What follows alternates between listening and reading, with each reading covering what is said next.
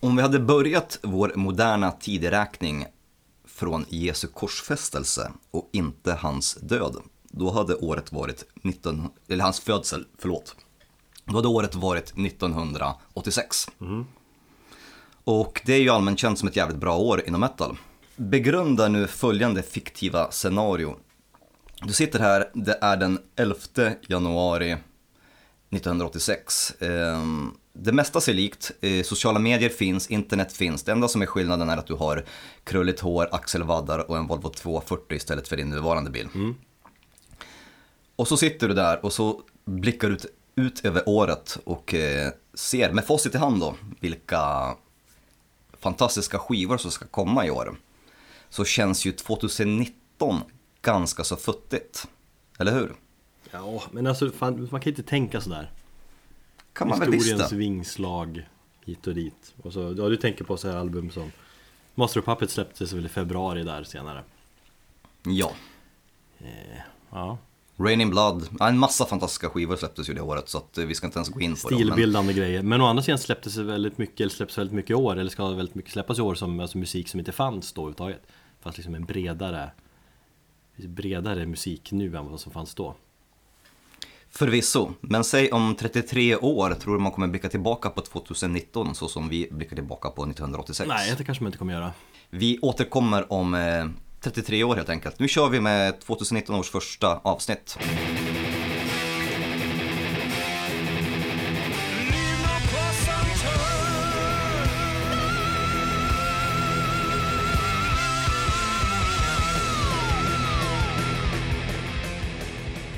Du lyssnar på avsnitt 89 av Metalpodden och det här är då eh, det första avsnittet för 2019 och det första för säsong 7. Och jag heter då Erik och min poddkollega som jag inte kan uttala efternamnet på Han heter Thomas. Känns det bra att vara igång igen då? Ja, det tycker jag fan.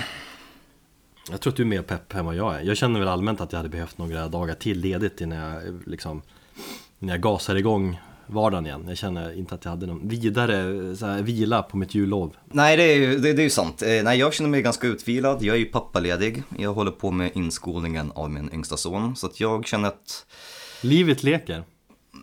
ja det gör ju det när man är pappaledig. Du vet, man är uppe sent. ehm, jag kollar på film varje kväll. Så att jag har ju redan betat av säkert 20 filmer från min, eh, min lista som jag har liksom legat och bara väntat på att få ja, bli avklarad någon gång. Hur länge ska du vara pappaledig nu då? Det är nästa vecka till, sen så ska jag återgå till jobbet. Det var in, under inskolningen, men jag var ju pappaledig under julen också. Och så.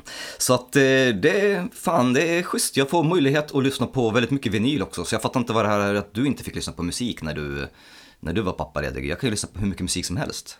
Mina ungar får liksom finna sig i det. Men du har ju ungarna på skolan.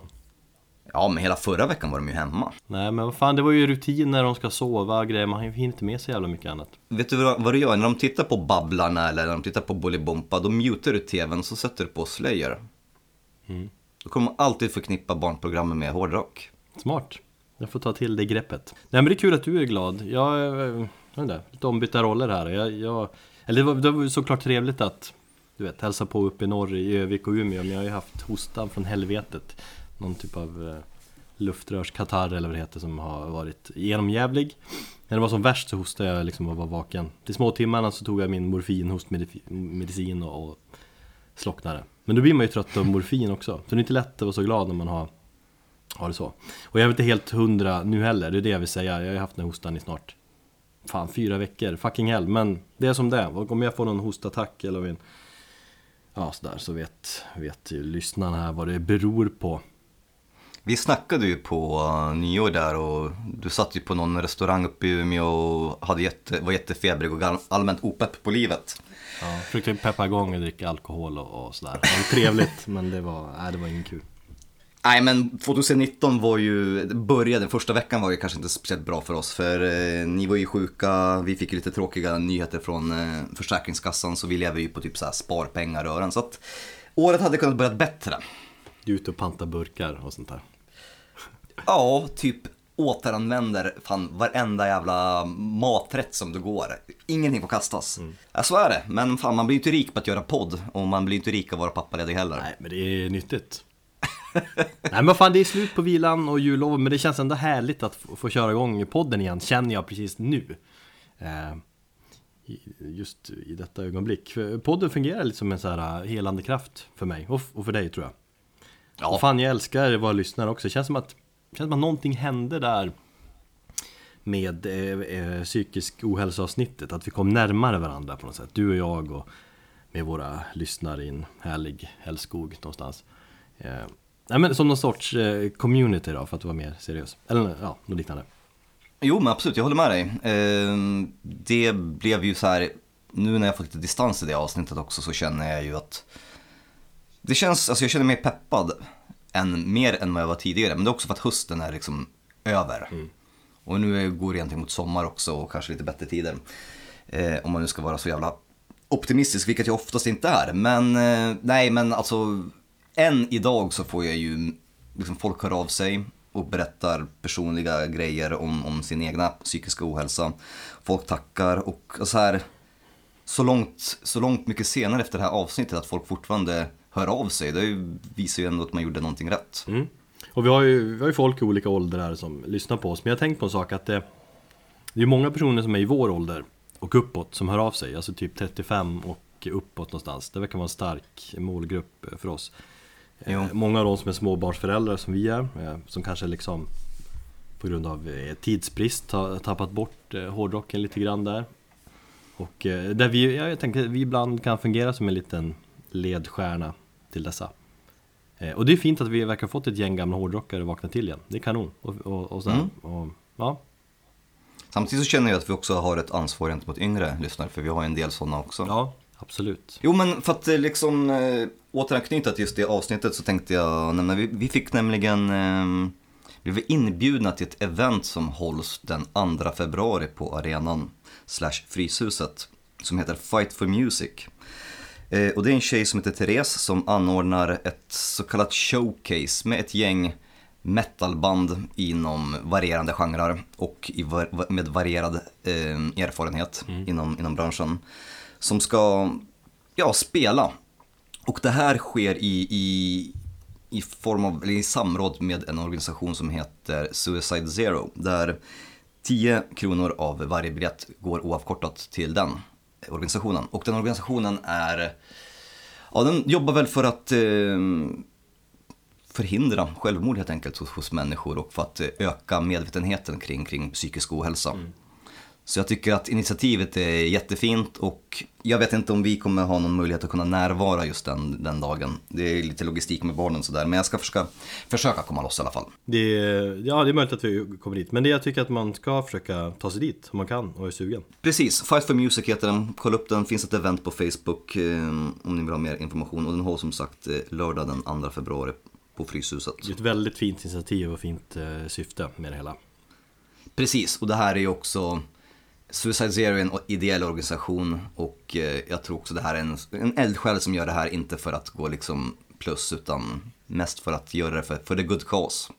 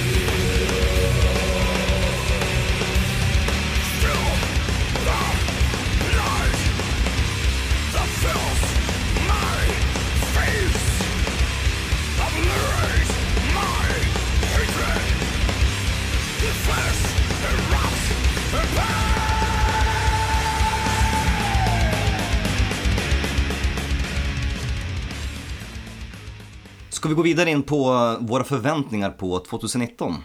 Ja, vi ska peppa lite kommande skivsläpp och prata förväntningar här. Men jag tänkte att innan dess så tänkte jag komma med ett skivtips. ett jävligt bra sådant. För jag känner nu också, vi spelar in faktiskt det här mitt på dagen. Passa Mm. på här på lunchen och spela in. Det var en jävligt konstig känsla. Det är ljust här och sådär. Man kanske är piggare än vad man brukar vara också. Ja, vi har ju inte kämpat med att lägga våra barn och vi sitter ju inte här och är snor, snortrötta helt enkelt. Vi borde vara mycket mer pigga nu. men det ändå känns annorlunda. Vad var det jag ville säga? Nej, men jag ville ge ett skivtips. En skiva som... eh, Ja, den hade lätt kommit in på min topp 20 om vi inte hade haft vår eh, tidiga deadline. Där och det... Tidiga deadline, vad fan det var ju i september, nej förlåt, december var det ju. Ja, det var väl fan ändå slutet av november jag fick slänga in den. Det är tidig deadline på det sättet att hela året är inte klart. Om man, Ja, om man ska skit- som vissa menar att egentligen borde man göra en lista i januari. Ja, absolut. Jo, jag, jag, jag köper att det, men jag, jag tycker att när januari har börjat då vill man inte fokusera på det som har varit. Nej, det känner jag också. Och så känner väl fan de flesta. Men det, då kan det ju bli ibland att band som släpper skivor sent, att de glöms bort. Och så är det i det här fallet med Feral som släppte sin Flash for Funerals Eternal 28 december. I mellandagarna. Mm. Eh, kanske smart, eller det tycker jag inte. Jag tyckte det är märkligt att släppa en skiva då. Det Speciellt, är jättemärkligt. speciellt när det är så jävla bra platta. Och det var lite här, när jag efter nyår kom ner här till Stockholm igen och kände jag, ja men fan. Ja ja, jävla hosta men jag kände ändå att jag behövde någonting peppande. Jag hade sett fram emot den här skivan jävligt länge. Och den har verkligen fungerat som en liten så här, om man ska använda sig uttrycket, käftsmäll här då. När jag har tagit mig till, till jobbet på morgonen. Sånt man behöver ibland. Speciellt när man håller på att hosta sönder lungorna och behöver lite extra energi och hosta på pendeln där så att folk bokstavligt talat flyttar på sig och går därifrån. För att man tror att, man tror att man är fan döende eller något. Nej men jag pratade om Farrell i avsnitt 73 när vi behandlade 2000-talets bästa svenska döds. Och de är från Skellefteå och har hållit igång sedan 2007 så det här är Ja fan de har ju varit med länge då. Och det här är tredje fullängdaren. Två tidigare är också väl värda att kolla upp Men jag tycker ändå att den här nya Flash for Funerals Eternal är deras bästa hittills. Men visst känns det som att de kanske har varit lite så här pe- periferin fram tills nu. Så får man väl se, jag vet nu hur mycket uppmärksamhet den här skivan har fått. Den har hunnit få så mycket uppmärksamhet Ännu Men eh, ja, kanske lite så. Tycker ett ganska ögonfallande omslag. Mm. Det är någon artist där som är känd Som har gjort den. Mm. eh, Sen kan jag inte mer om det. Men eh, visst, det, det, Feral det, det osar en hel del. Entombed och Dismember. Eh, Bloodbath tycker jag. Men de har ändå liksom ett eget uttryck som gör att liksom de tar Sin plats i genren. Annars är det ju Jag vet inte, alltså inom den här eh, HM2-dödsen så finns det ju ganska många band som kanske inte är så intressanta. Och som inte står ut, men det tycker jag Feral gör. Jag vill minnas att när vi pratade om senast så äh, sa du att grabbarna hade lyssnat en hel del på Uprising-skivan, var det så? Du sa, eller om det var Wolverine Blues-skivan kanske? Ja, förra skivan Känns- kändes eh, mycket Wolverine Blues, det gjorde det. Så var det, okej. Den här tycker jag är brutalare eh, skiva Och jag tycker att den här skivan är liksom, om man jämför med Bloodbath tycker jag den här är bättre, intressantare För Bloodbath var, ja men det tog liksom tid att komma in i. Det här är det rakt på direkt Jävelkung Och skivan har liksom eh, Jävligt bra riff, plattan igenom och, och samtidigt svängigt som man vill ha Jag vill ha min grooviga döds Eh, Grove. i min genre, dödsgenre och så jävligt engagerande och aggressivt hela tiden.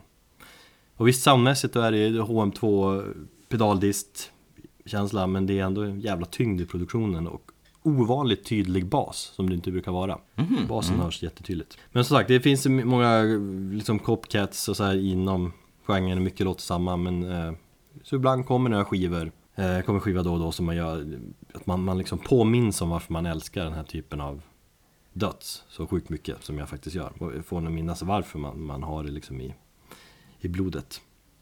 Ja, det behöver inte alltid vara så originellt. Ibland så är det bara någon som förvaltar det så kallade musikaliska arvet från några tidigare legender och bara gör det jävligt bra. Ja, exakt. Utan man behöver inte alltid eh, uppfinna hjulet helt enkelt. Nej, men de har ändå liksom tagit ut svängarna lite grann och sådär. Men det, ja, Jag antar att du vill att jag ska skaffa vinylen åt dig? jag har faktiskt beställt den. Ja, men det var ju jättedumt. Jag har ju precis börjat jobba med skivbolaget. Så jag, kom, jag kommer ju fixa med den. Ja, men jag gillar att stödja mitt favoritband, mina favoritband och köpa det av dem. Istället för Ja, att man ska få Ja. en jävla gratis skivor från någon skivbolagssnubbe. Ja, gratis får du inte, vad fan. Nej men billigare, eller jag vet inte. Vad, vilket erbjudande snackar Köp Ja, skivan! men stö stötta bandet Ja, då för fan. gör det. Jag är en snyltare. Fortfarande obegripligt att de släppte skivan i slutet av december, jävla påhitt. Men eh, jävligt bra. Vi lyssnar på Of Gods No Longer Invoked.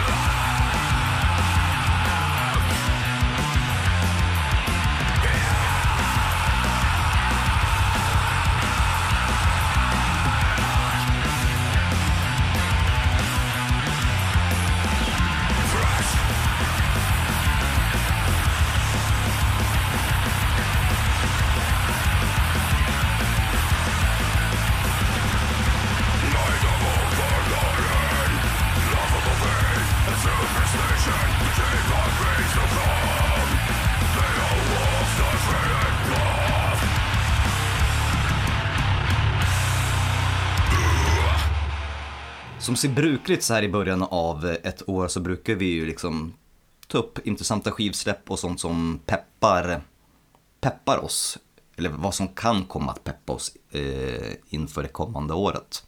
Och sen så är det ganska kul att stämma av med, med sista avsnittet för året om hur väl det stämde. Du är ju ganska så eh, kaxig när du tror att många av de här skivorna kommer att hamna på din topp 20 i slutet av 2019. Ja, men Sa du till mig. jag satt och skrev en lista på kommande skivsläpp. Du vet, man skriver upp sånt som man har i, i skallen och så googlar man fram grejer. Och så finns det olika online-tidningar som, som har gjort listor och liksom allmänt de här kommande skivsläppen som folk peppar mest.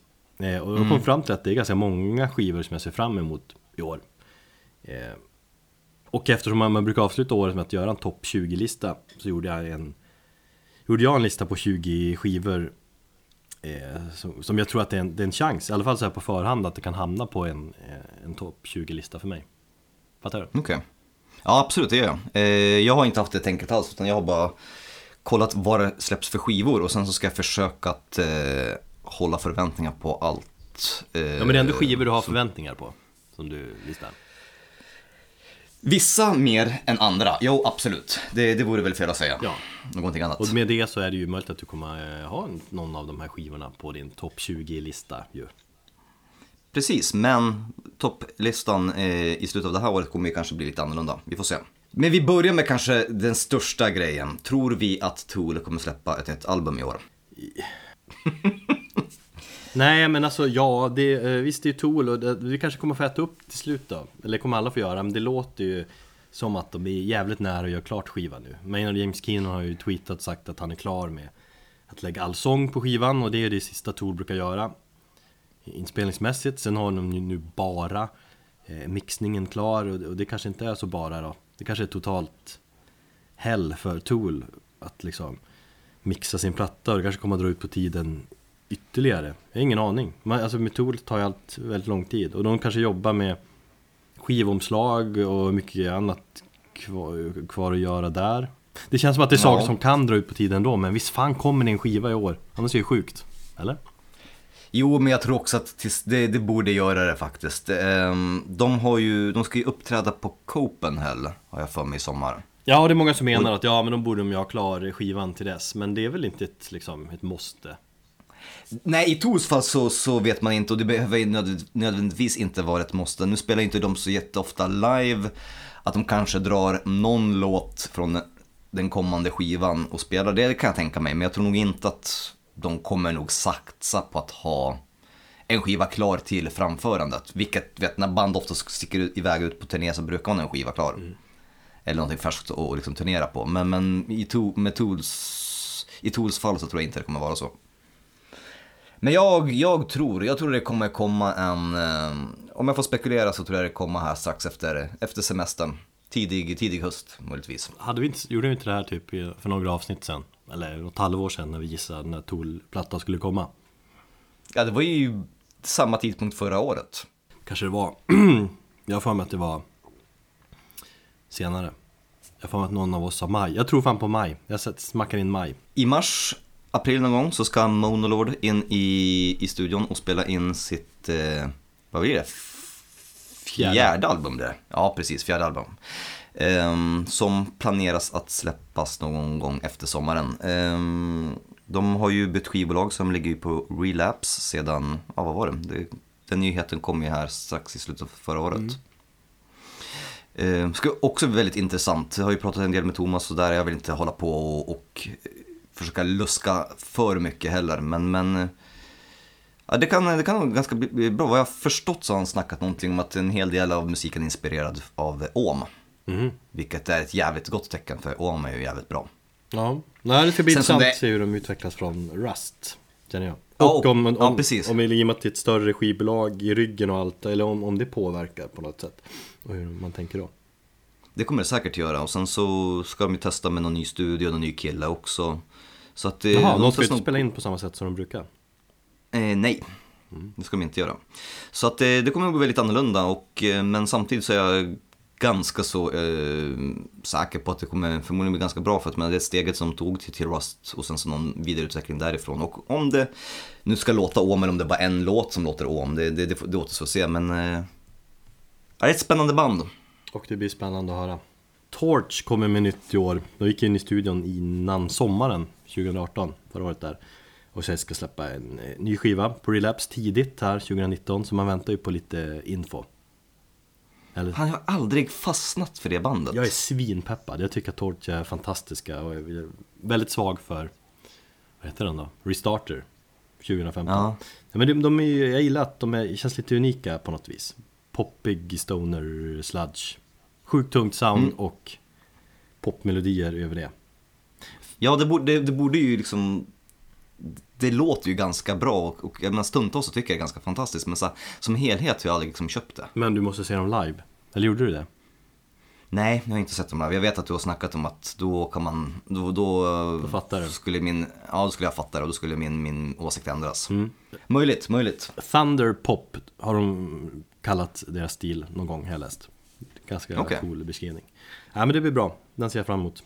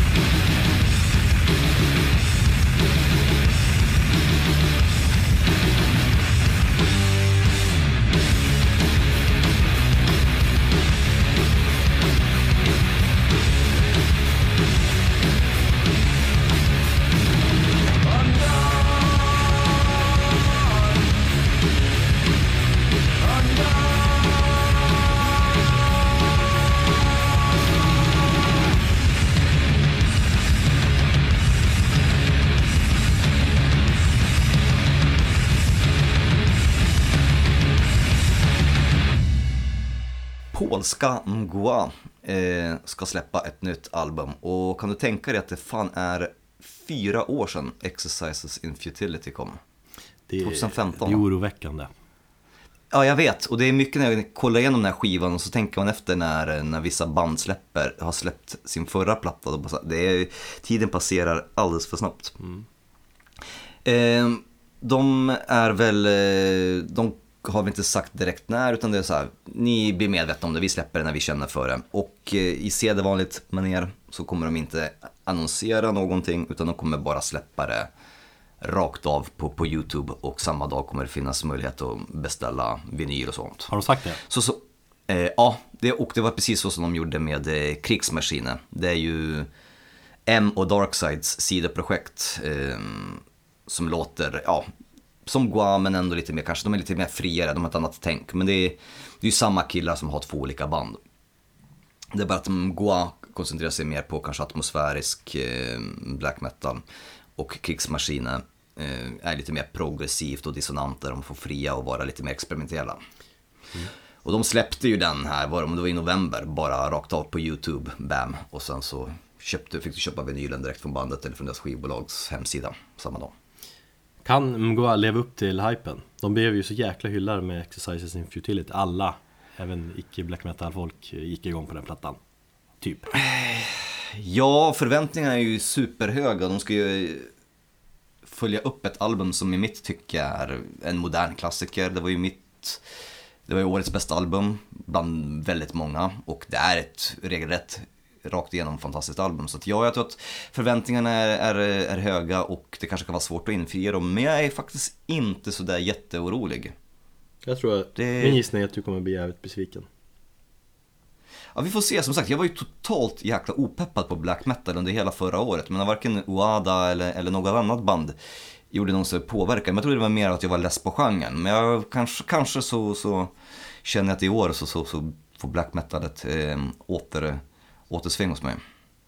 Det ska i alla fall bli, bli jävligt intressant att se. Och som sagt, det, det kommer när det kommer helt enkelt. Annars kommer ju Slipknot tillbaka i år. Och det är jag fan pepp på. Lite så här oroväckande. Eller, Jaså, o- varför då? Nej men jag vet inte. Jag ty- eller jag tycker kul att de kör på först och främst. De, de har ju perioder då de liksom försvinner bort ett tag för att sedan åter, återuppstå på något vis känns det som. Det är för att de har liksom sidoprojekt och andra band och sånt. Men det är inte särskilt ofta de släpper skivor längre. Mm, Nej. Jag lyssnade igenom eh, senaste skivan, eh, den då? The Great Chapter här, från 2014 och den var, jag tycker den var bättre än jag minns den. All Hope Is Gone, den är jag inget fan av tycker jag. Eh, Men jag är ett fan av bandet. Och jag, de har nog betytt mer för mig än jag liksom vill erkänna. Och jag tokgillar All Out Life, den här singeln de har släppt. Tyckte den är jävligt bra. Ja, jag tyckte också den var jävligt cool. Eh, och så känns det viktigt att de här stora liksom, metalbanden får överleva på något sätt. Det behövs sådana här arena stora band också. Speciellt när de ändå rör sig någonstans inom eh, extrem metal-facket. De. Det har väl, sna- det har väl snackats om att de skulle eh, gå tillbaka till ljudet för, eh, eller typ, ja, inspirerats av Iowa. ja, Och det är väl, ja, exakt. Det ska Ja. vara lite råare sånt där. Men alltså sånt där vet jag inte man tror på. Men det. Ja, jag är peppad. Dark Throne är ett annat black metal band som jag faktiskt är pepp på och har ganska så höga förväntningar på. Eh, De ska ju släppa sitt nya album här i vår, vad har jag för mig. Eh, Väldigt lite information finns. eh, Ja, och de är ju ganska så, så asociala när det gäller de sociala medierna. Så att, eh, men vad jag förstått så i alla fall så ska bandet gå tillbaka lite grann till, ja, black metal-rötterna så som de hade på sina tre första skivor. Ja, inte första första, för den är ju med Döds Soulside Journey. Men jag vet inte vad jag tycker om det. Spännande på ett sätt att se vad de kan göra av det. För det är ju inte så mycket black metal bandet har varit på sistone. Samtidigt så tycker jag att Dark Throne är bäst. När de har kört den lite heavy metal krustpunkstilen. Jag, jag diggar den som fan. Det är lite buskis kanske och sådär men det är...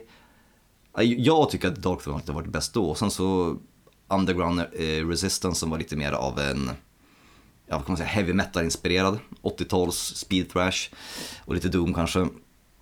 Och till och med Arctic Thunder. Så att, eh, Jag väl allmänt lite, jag väl lite så här tveksam band som pratar om att gå tillbaka liksom, till något gammalt sound eller gå tillbaka till rötterna eller prata i, i de termerna. Då blir jag automatiskt lite tveksam. Jo, det, det brukar väl jag också bli. Man kan aldrig liksom blev- återskapa någonting som man, man har gjort tidigare. Nej, och det är därför jag blev lite mer så att jag höjde på ögonbrynen när Slipknot så att de skulle gå tillbaka till Iowa. För det känns väl som deras bandets brutala, brutalaste och mest mörka skiva. Och då känner jag så här, ah, men det där är ju bara snack för, för gallerierna för att få upp hypen. Ja. I Dark Thrones fall så tror jag så här att de har ju varit ganska konsekventa i att skita i vad folk tycker om, om dem.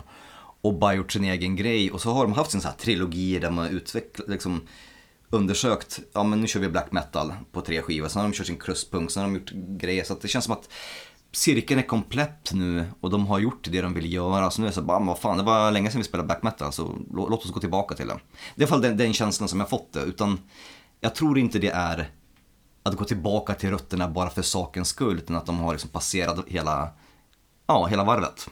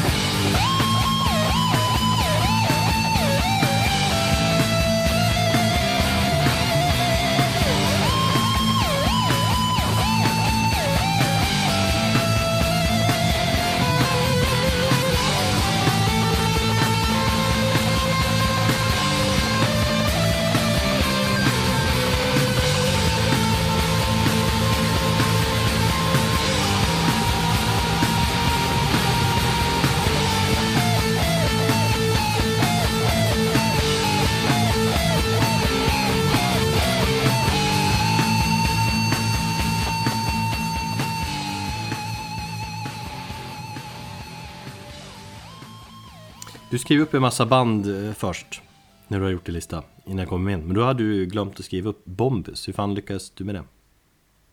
Jag var inte färdig med den. Det var bara saker som jag så spontant satt och skrev ner det. Men absolut, jag hade ju glömt bort Bombus. Därför att, ja, jag vet inte. Okej Det var Jag blev ledsen då i alla fall Nej.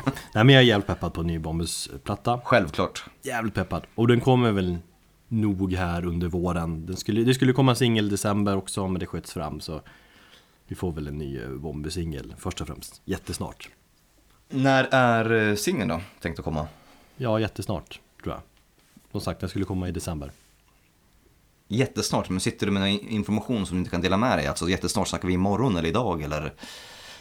Nej men i och med att den var tänkt att släppas i december så borde den ju komma väldigt snart Ah, ja, okej. mm.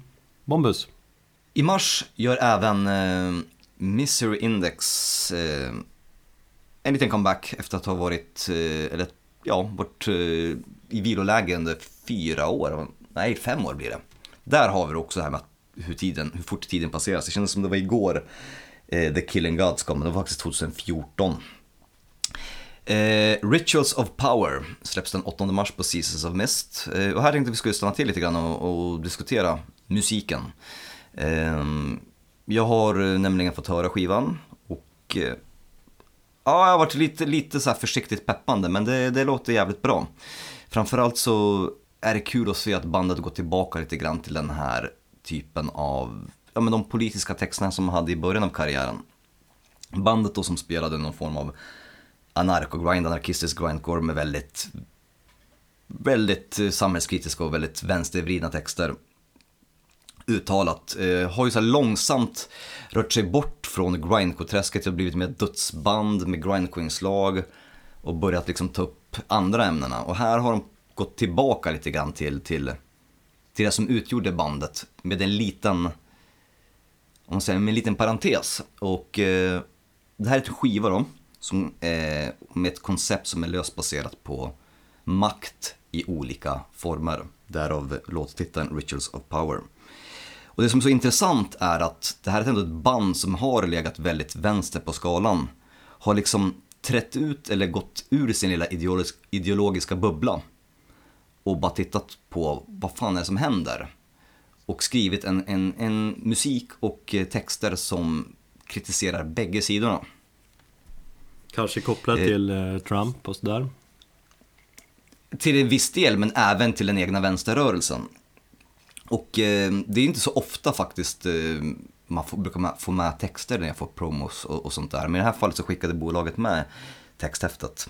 Så att jag, jag, jag har ju läst lite grann av, eh, av texterna och studerat dem och, och så analyserat. Och det är som sagt min tolkning, men samtidigt så är det inte så jätte eh, otydligt om man säger var, var de ligger och vad, de- vad de pratar om.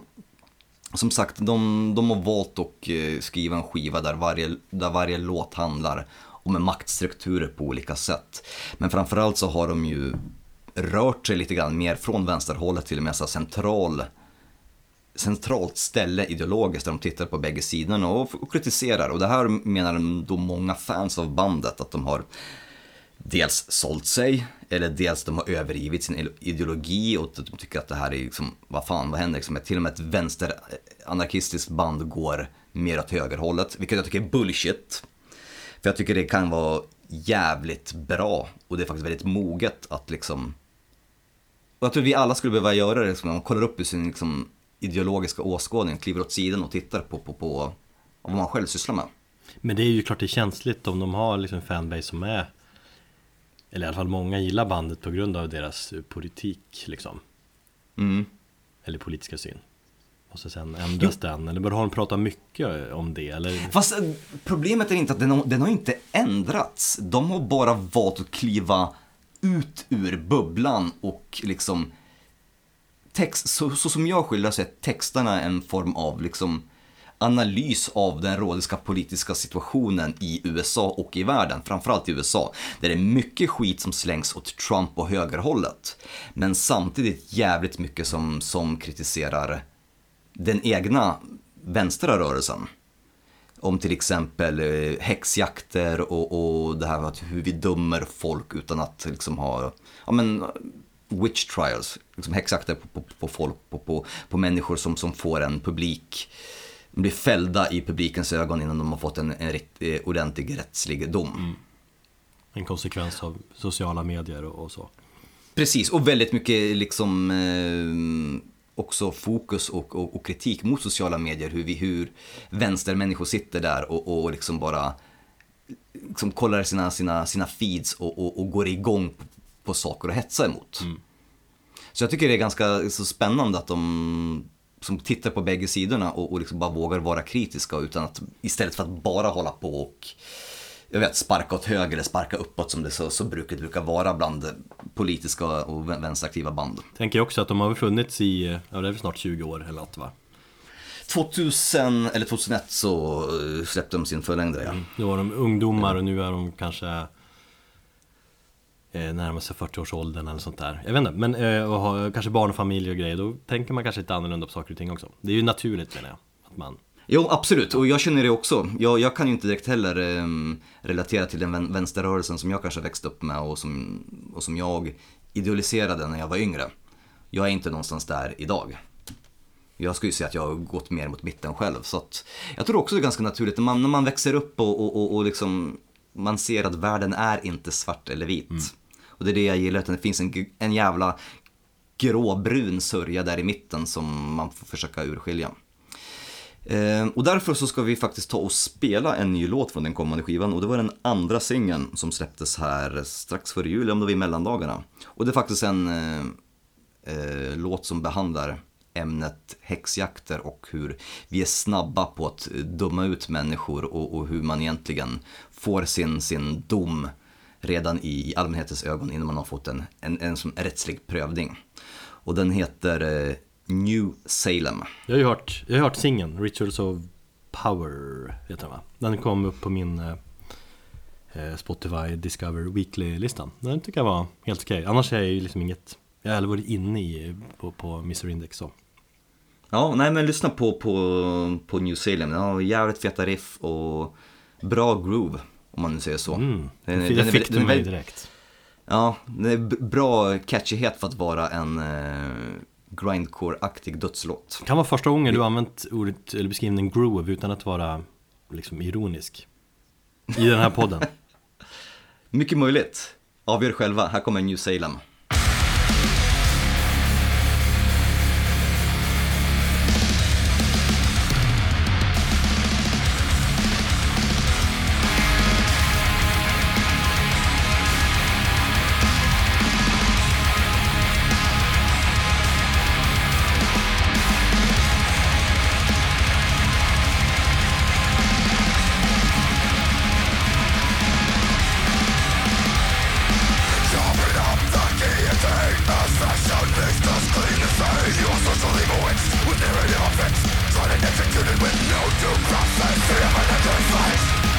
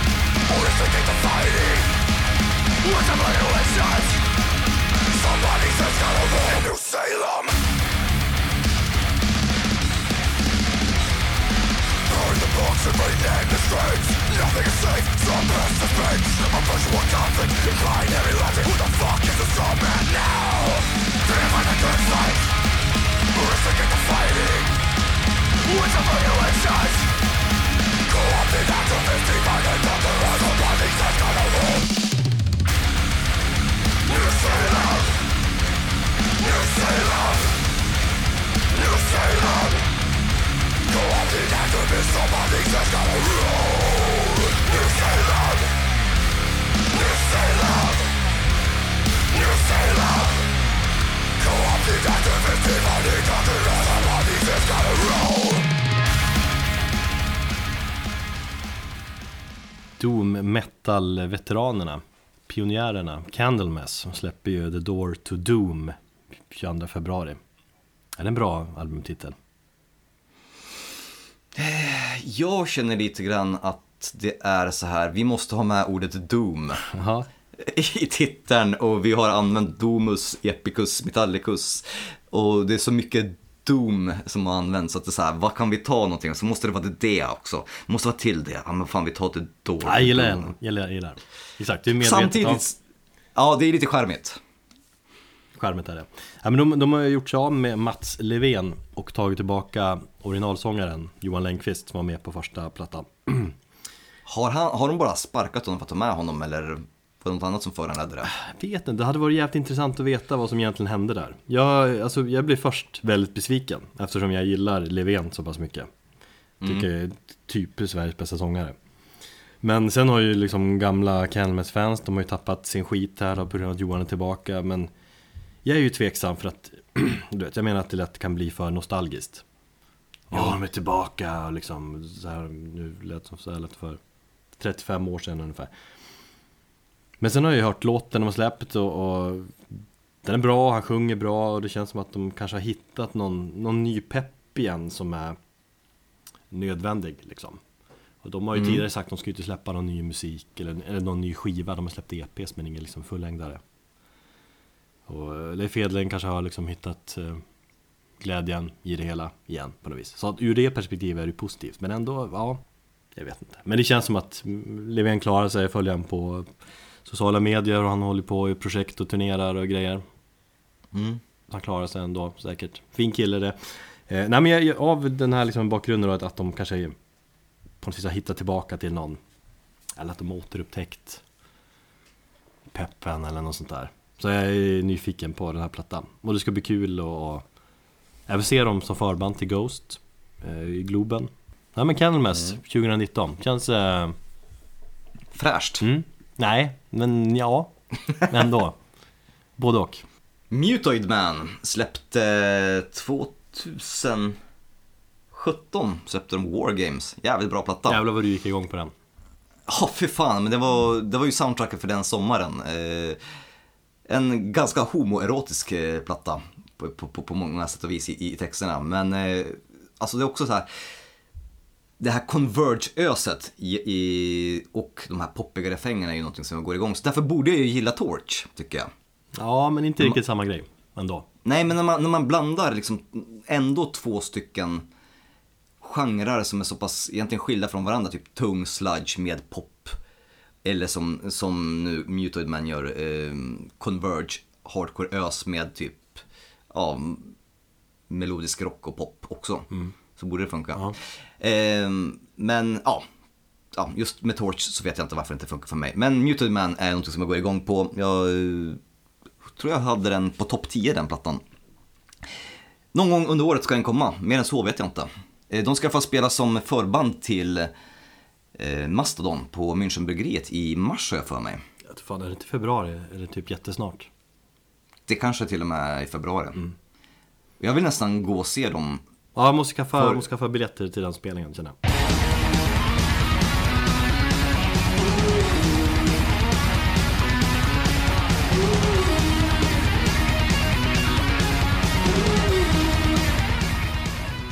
Myrkur ska ju släppa nytt i år och eh, hon ska göra en eh, Ja, det det är ju inte metal här nu då, men det är ju en renodlad skandinavisk folkmusikplatta, är det sagt att hon ska släppa och, och låta liksom de här black metal-elementen vara. Om jag har förstått det rätt. Så det, som sagt, inte kanske så mycket metal.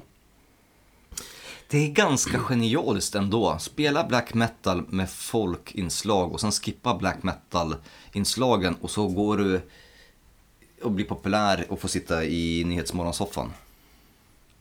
Ja, ja alltså hon älskar sin folkmusik och på liksom eh, Ja, bara nu senaste turnén så körde hon ju halva konserten folkmusik och andra liksom den här blandningen. Och på Instagram så lägger hon ju upp liksom när hon kör många så här klassiska eh, folkmusik, eh, låtar och grejer. Eh, Visor där man kanske eh, Men jag tror att det här kan bli magi eh, ändå i och med att hon brinner så mycket för det. Hon släppte ju en ny låt, Juniper, Juniper i december. Eh, Det var väl en EP? Ja, den är, ja, eller två låtar. Jaha, okej. Eh, och det, det var lite mer avskalat kanske än jag gjort tidigare, men ändå jävligt storslaget. Det- Den gillar jag som fan. Och jag är ju som sagt allmänt väldigt svag för Myrkur och det hon gör, så att... ehm, och jag gillar ju folkmusik, är kung och, och det är liksom... Det känns som folkmusik, det är ju det riktiga metal någonstans i det här landet. Så, så bring it on. Mm. Ja. Ja, jag är försiktigt positiv med, i och med att jag tyckte att hennes debut var, var, inte var direkt imponerande. Samtidigt så var andra plattan, Märerit, eh, riktigt bra. Så jag är så här lite vacklande i min, i min, i min pepp, men jag tänkte att eh, jag håller eh, förväntningarna neutrala så får jag hoppas att hon eh, eh, överraskar helt enkelt. I mars så släpper ju även Soen ett, eh, sitt eh, nya album eh, Lotus. Eh, och det har jag också faktiskt fått lyssna på. Och eh, det är ett band som jag egentligen så här medvetet egentligen har eh, hoppat över fram tills du pratade om eh, vi hade ju ett avsnitt där du nämnde skivan Lykaja. Bandets förra platta. jag lyssnade på den väldigt mycket, framförallt under några tunga månader där under våren 2017. Det var min liksom, samtalspartner där under nätterna, så den skivan eh, Ja, men den har en speciell plats i mitt hjärta. Och det, den här Lotus-plattan, är, jag ser fram emot den jävligt mycket. Ja, eh, det var just därför jag kollade upp också mm, Lykaja, därför att du pratade så varmt om den och jag ville förstå lite grann vad du menade när du, och försöka dela mörkret med dig.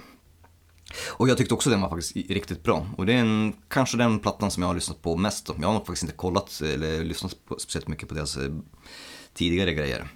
Men eh, Lotus följer ungefär i det samma, samma fotspår som Lykaja. Eh, De har ju släppt en officiell video och singel. Har du hört den? Martyrs. Ja. Den har jag kört på repeat. Jag har fan inte sett att de har släppt en video till den. Har jag missat. Kolla, kolla på, på eh, videon så får du, kan du läsa alla transfobiska kommentarer också. Jaha. Det är ju en, det är en video som handlar om eh, transpersoner, om det är en dragqueen eller någonting. Det är en liten story, story-video Jo, liksom. men den har jag ju sett. Alltså fast jag såg den typ utan ljud. Den, var släpp, den släpptes ju i december. Ja, precis. Eh, Så den, den har jag faktiskt sett, men då lyssnade jag inte på. Jag kopplade inte ihop att det var den låten. Men Martys har jag kört, jag körde, då körde på repeat i flera timmar igår när jag jobbade. Otroligt bra låt, alltså, den har bara satt sig rakt in i, i själen på mig. Fan, den är så sjukt Ja, det- bra. Ja, det finns så riktigt eh, vassa textrader också på den skivan som jag bara direkt fick gåshud när jag, ly- när jag lyssnade på. Ja men det, jag har fått rysningar flera gånger av bara den låten så att det, det Ja. gör att förväntningarna kommer Eller att jag är jävligt sugen på Lotus med hela plattan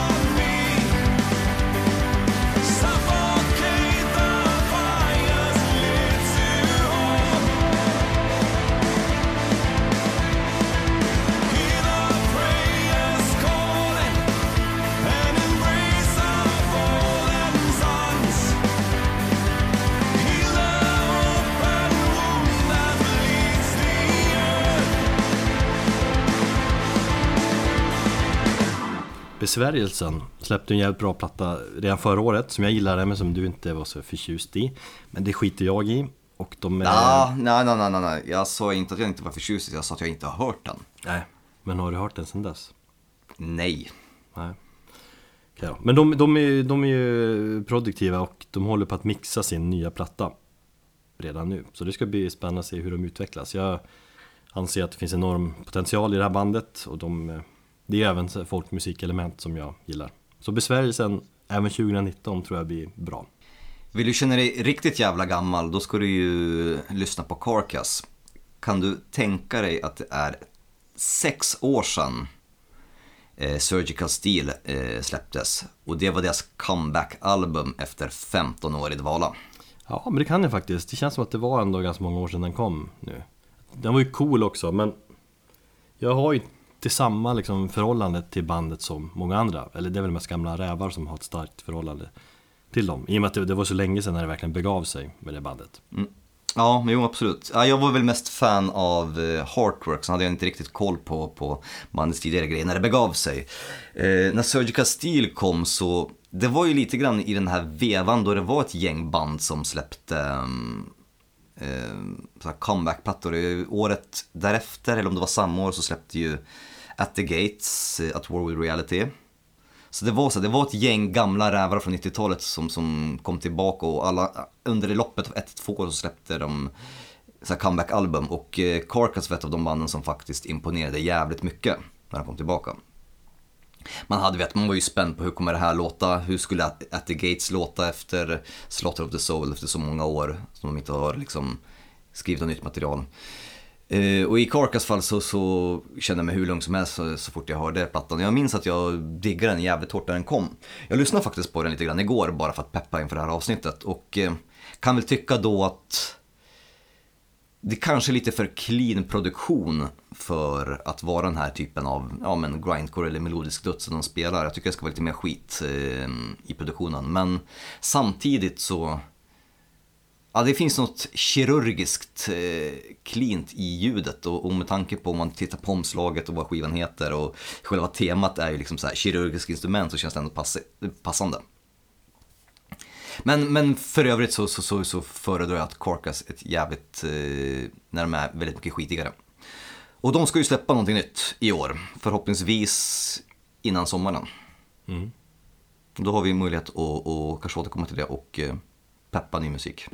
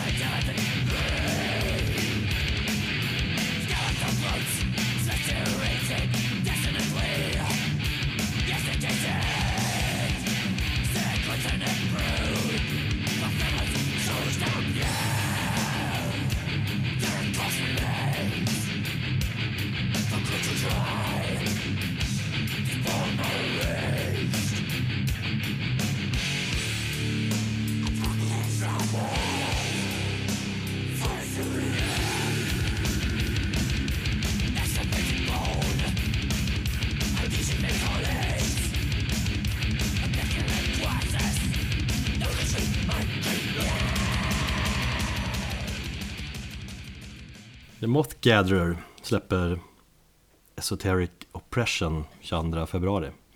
Snygg jävla titel alltså. Mm. Den har de jobbat med. Ja. Jag är ju jättesvag för deras eh, form av postmetal och deras skivor, eller ti- tidigare skivor har ju eh, gillat som fan också. Tyvärr så har ju vår vän Alex hoppat av bandet, han gjorde det förra året. Han gjorde det väl av anledning att de helt enkelt inte kom överens hur de skulle utvecklas eh, musikaliskt. Så, så det blev väl, han blev väl offrande lammet eller vad man säger, liksom för att bandet ska kunna eh, fortsätta. Han vill inte offra vänskapen, så därför klev han åt sidan. Mm. Det är fint. Eh, tycker jag, ja, det tycker jag är väldigt fint. Jag tycker också det är jättelustigt, för jag hade ju noll koll på, på att han hade gjort det. ja, men du har ju ingen så- koll längre. Nej, jag vet. Och, och, när, och när, jag, när, jag, när vi pratade eh, där i, i, i december, du, jag och han, eh, höll på att chatta en massa och jag blev så här, ja, jag sa, har du liksom klivit åt sidan? Så, så blev jag så här, fan vad skönt det är att inte ha koll på saker och ting. Man behöver inte ha koll på allting. Nej, men ja. Genuin, jag blev genuint glad och log. För att du inte hade koll. All, för att jag inte hade koll, för jag brukar alltid ha koll. Jävla konstig inställning i och för sig. Men, eh, Jag vill sluta ha koll på saker och ting. Det, är det, det, det, det är det som är grejen. Det, är- det är mitt mål för 2019. förbered er då, lyssnare, att det kommer att bli mycket fel. Ovanligt mycket fel från Thomas sida det här året. Fan, fan ingen koll längre. Ja, Ja. Nej men det, det, var, jag väl känt att det var synd, jävligt synd att Alex hoppade av. Jag tror att han och Viktor som, som bildade bandet en gång i tiden, att de kompl- kompletterade, kan inte fan prata. De kompletterade varandra eh, jävligt bra med olika influenser. Eh, men sen släppte de ju en singel för, för kommande skivan här och den tycker jag är jävligt bra. Det är också en sån här låt jag kört på repeat, med, liksom massa gånger. Så då har liksom skivan klättrat upp ganska högt i, i liksom min eh, pepplista här ändå. Så att eh, Mott Gatherer 2019, ja. Men istället har ju Alex då, som hoppat av, han har ju startat ett nytt band som heter Nova Rupta. Om man uttalar det så. Som ett jävligt intressant eh, projekt får man ju säga. Det är, eller band. Eh, det är Alex som är the mastermind. Men så har han kallat in ett flertal sångare till skivan. Så varje låt har en eh, ny sångare om jag förstått det rätt då. Det, är lite, det är lite grann som de gjorde med Moth Gatherer och The Earth is the Sky, att han tog in gästsångare som fick sätta sin, eller gästartister som fick sätta sin prägel på varje låt. Ja, det var liksom den grejen de gjorde där på de två låtarna. Just med Dennis Lyxzén och... Ja, det var med, med EPn, The Comfort, Comfortable Low. Men jag tänkte på The Earth is the Sky, då hade de ju, tog de in Thomas Jäger som fick sätta något solo. Som hade de ju, eh, ten, sångaren Tenna Tenebrosa hade de ju som sångare på en låt. De hade ju Da- David från Kong på någon låt. Just ja.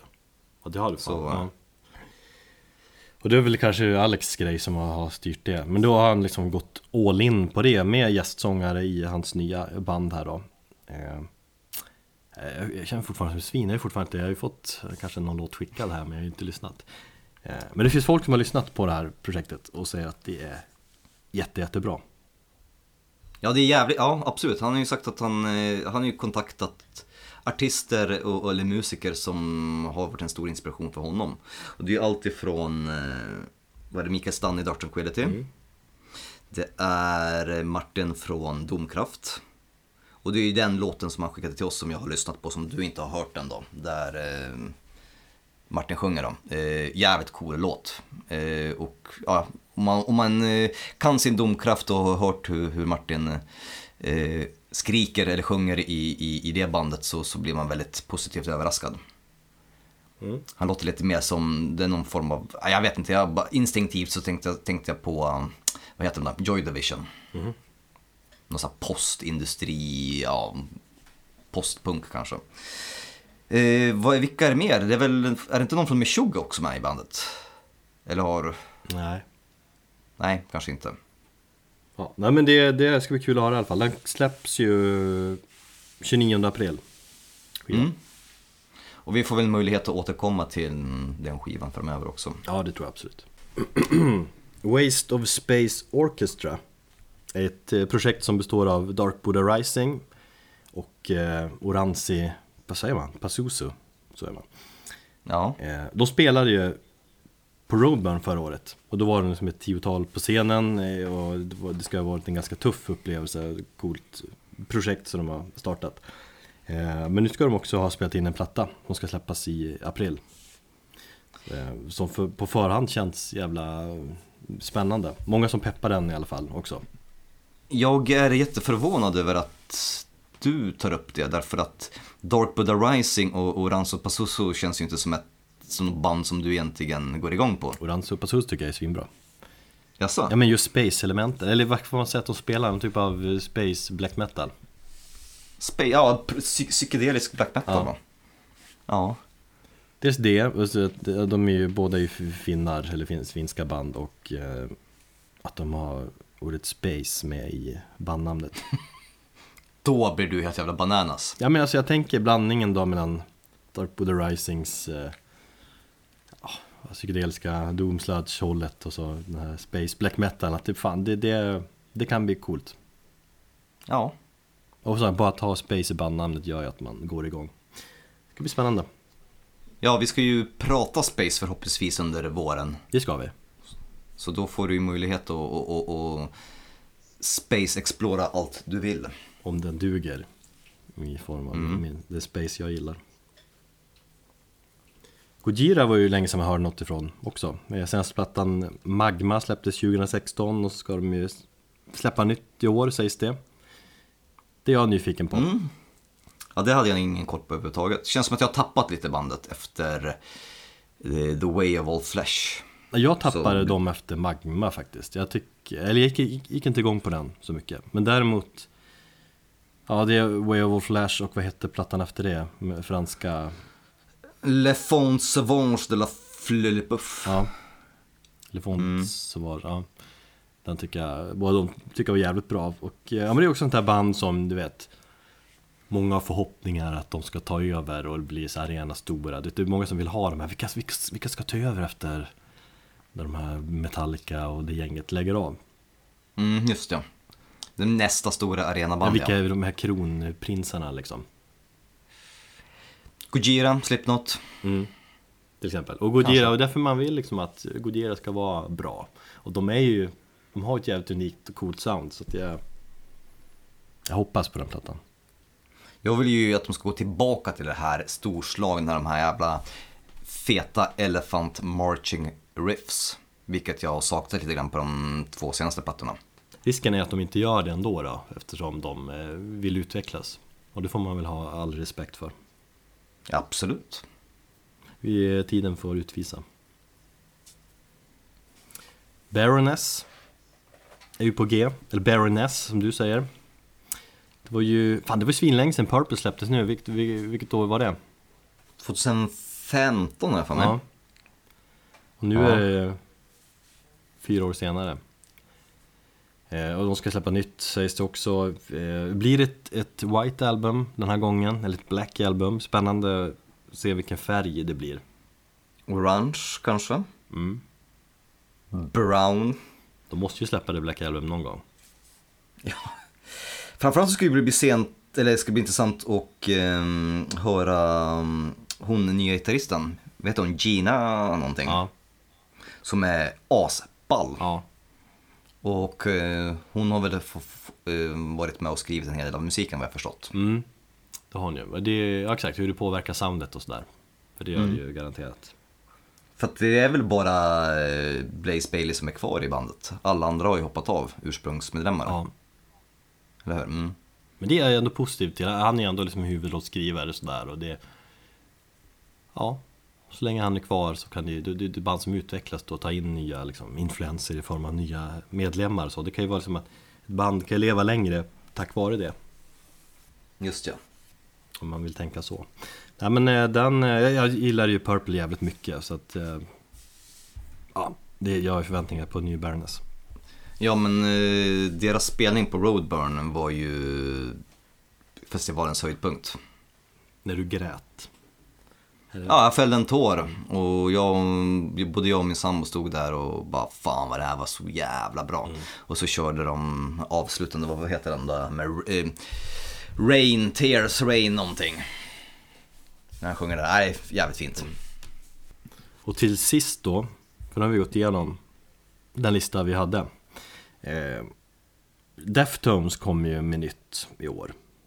Och eh, det är lite av ett så varannan skiva band för mig. Alltså typ, Eller hur? Lite, lite så är det va? Ja, jag går igång på, eller har energi att ja, går igång på varannan skiva på något sätt. Men de levererar ju ändå alltid någon form av magi, mer eller mindre. Och senaste skivan, Gore, var ju ganska, ganska nedtonad på något vis. De har ju sagt att gitarristen Steven Carpenter, han var väl i stort sett helt eh, frånvarande på den plattan. Inte så mycket gitarrer och det, känd, det kändes som att bandet hade problem där. Det känns som att de var på splittra som man läste någon intervju och sådär. Men han ska ha varit mycket mer aktiv nu i skrivandet av den här kommande plattan. Så jag, jag tänker mig att det blir ett hårdare Deftones den här gången. All right. Också ett band som jag gillar att de lever kvar från att ha liksom överlevt nu metal-åren. Så har de ändå liksom hittat sin, ja men sitt eget sound liksom. Ja men de fastnade aldrig i det där nu-metalträsket, utan de fortsatte utvecklas. Sen så, jag har väl aldrig sett dem heller som ett så nu metal, alltså ett band från just den tiden. Visst har det funnits influenser men samtidigt så av alla de banden som kommer nu, nu metals eh, höjd, mm, höjdpunkt så, så mm, kändes det som så att det var mest okej då att, eh, för en hårdrockare att gilla Deftones för det var liksom, allt annat var tuntigt. Mm. Om vi nu ska snacka i elitistiska termer. Men det är abs- absolut nu metal-element i Deftones eh, musik, det är inget snack om det. Jo, absolut, men, men det finns så mycket mer också. Ja, det är det vi det kan gör. jämfö- Och det, är det, det har de överlevt Ja, tack vare det. Och det är alltid liksom eh, spännande. Alltid coolt att höra Morenas eh, sång på nytt. När man förvånas, fan vad tuff, eller, eller vad liksom ja, speciell sångstil han har ändå. ja, han får jättegärna köra någonting mer i stil med Phantom Bride och... Ja, det är de är fan... När han sjunger lugnt, Mm. då, då är de, de är ju riktigt jäkla bra. Det var ju det, det var de skivorna som vi eh, peppar kanske lite extra. Sen brukar det väl visa sig, i alla fall för mig på slutet av året, att det är mycket liksom, nya saker som brukar komma upp på, högt upp på listorna, det som man har gillat mest under året. Ja, och det lär säkert dyka upp en hel del överraskningar. Och det är de här överraskningarna som jag kände var lite av de som jag saknade under förra året. Utan jag, jag kan nu så säga, säga retrospektivt att jag tycker att jag safeade lite grann förra året med artister. Det känns som att de flesta artister som jag, den musiken jag lyssnade på var så här från redan etablerade akter som jag visste att man kanske inte skulle bli så här besviken på. Men det här äh, med att du, du gillar att du inte har koll längre det betyder Mm. också att du läser inte på lika mycket, du hänger inte med lika mycket så här, och i forum och grejer Då kommer du ju missa mycket musik på det sättet också Förutom fast- det via ja. ditt jobb att du får tips där, men liksom tänkte att andra källor du kanske har stängt ute Alltså det här är också i min, hela min själva nya livsstil att eh, försöka avskärma mig och stänga av vissa liksom, så här, flöden ifrån från mitt liv och bara känna att jag behöver inte liksom, veta allt det och läsa om allting som jag alltid har gjort. Liksom. Jag har alltid suttit och liksom, haft eh, koll på de mesta musiknyheterna och vissa grejer kan jag inte komma ifrån för jag har det i mitt jobb. Men jag känner att jag behöver liksom inte använda min fritid till att hålla på och surfa runt och, och sådär. Så att när jag säger att jag inte vill ha koll så menar jag att jag vill aktivt försöka liksom avlägsna mig från att aktivt söka efter, efter musiknyheter. Och jag är jävligt pepp på att upptäcka musik under 2019. Men jag är inte nödvändigtvis sugen på att upptäcka ny musik. Och det har jag också sagt, sagt i det att jag vill ju gå lite grann tillbaka och bli en nostalgiker. Inte för att göra det bara för att jag håller på att bli gammal eller göra det för sakens skull. Utan jag har känt att det finns jag blir så jävla peppad av äldre musik. Alltså thrash från 80-talet har jag gått igång på totalt under hela min julledighet här nu. Och, och, vet, och då vill jag liksom inte lyssna på Slayer eller Metallica utan jag försöker hitta de här bortglömda pärlorna eller de här banden som kanske inte gjorde sig lika stort namn. Ja, jag förstår. Nej, men jag ser fram emot under året som kommer här att du när, du, när vi snackar, ge lite skivtips, att du kommer med gamla plattor som man får göra. Ja, absolut. Och, och eh, det, ja, det ämnar jag göra utan att bli liksom nostalgisk för sakens skull. Men sen finns det givetvis en hel del ny musik som jag, jag är jävligt eh, upphets, upphetsad över också. Mm. Vi ska avsluta den här, eh, det här avsnittet, eller årets första avsnitt, med att prata lite lätt om A Swarm of the Sun. Vi har haft en tävling som, när ni hör detta, har den avslutats. Du och jag Erik, vi ska väl dra två stycken lyckliga vinnare av eh, vinylen här i, ikväll. Eh, men bara lite lätt så här, du har ju hört skivan nu va? Ja, Och du sk- skrev till mig att fy fan vad det var bra. Och jag blev så jävla glad av att höra det. Du fick en, återigen fick du tillbaka din postrockpepp. Ja, eller post, eh, ja, postpepp allmänt. Ja, men jag gillar att du blir glad att du äntligen får respons från någonting du skickar till mig. Istället för bara en tumme upp. Eh, nej men det, det, The Woods som plattan heter, den är ju, eh, ja, berört mig. Väldigt fin och mörk och postig, som jag gillar. Mm. Bra skit. Snyggt skivomslag också som många har gått igång på, på våra sociala medier där. Ja. Ja, nej, jag, som sagt, jag upptäckte ju bandet med, eh, eller upptäckte upp det, jag gick, kom igång på dem ordentligt med förra skivan The Rift som kom 2015. Eh, som var kanske mer av en, Eh, ah, ett regelrätt album. Det, det som de har gjort med The Woods, det är egentligen att det här skulle jag vilja kalla mer av en musikalisk berättelse. Det är tre stycken låtar som, som hänger ihop. Och det är liksom, Ja, det, det, det finns någonting magiskt över den. Och jag, när, jag, när jag fick lyssna på den för första gången, det var i, i november och det var så här. November var ju allmänt typ så här, var det årets mörkaste månad. Eh, och det regnade, jag satt på jobbet. Och du vet, man bara lyssnade på musiken, tittade ut genom fönstret, det var, det var svart. Det regnade och bara allmänt deppigt väder. Och det var så jävla mysigt att lyssna på, på The Woods då. Då är ju postmusiken oftast bäst. Jag tror att 2019 kanske blir en halv comeback för post metal, postrock, ifall jag. Nu kommer jag att tänka på ett annat eh, kommande skivsläpp. Eh, Cult of Luna. Cult of Luna såklart, som hänger i, i studion någonstans. Jag har inte fattat vart de är. Jag har fått för mig att de är i Norge eller något sånt där har varit. Lägger upp bilder i alla fall. De Mm. håller på med någonting nytt. Vet du någonting mer om det? Förutom att de uppenbarligen hänger i studion. Eh, nej, inte mer än att de hänger i studion faktiskt. Eh, Det ska bli coolt. De är alltid Mm. jävligt bra och eh, lite så här post-metal. Liksom. Jag såg att Johannes Persson har lagt upp någonting eh, på sociala medier om att någon bild från eh, 6 januari 1999 när, när de träffades för att liksom ja, starta upp någonting som kom att bli Cult of Luna. Mm. Så det var ju, i år är det 20 år sedan eh, bandet bildades. Det kanske är något sånt de gör. Kan- Nytolkningar på gamla Cult of Luna-låtar. Ja, kan mycket väl vara så. Nej, det blir väl kanske något nytt. Men ehm, ja, så att det, det är också ett kommande skivsläpp då. Jag tror också att eh, post-metal eller postrocken kan göra eh, comeback. För jag är ju Page Lost eh, har jag för mig också ska jag släppa ett album i år. Vi lyssnar på eh, The Woods eh, från eh, A Swarm of the Sun från skivan med samma titel.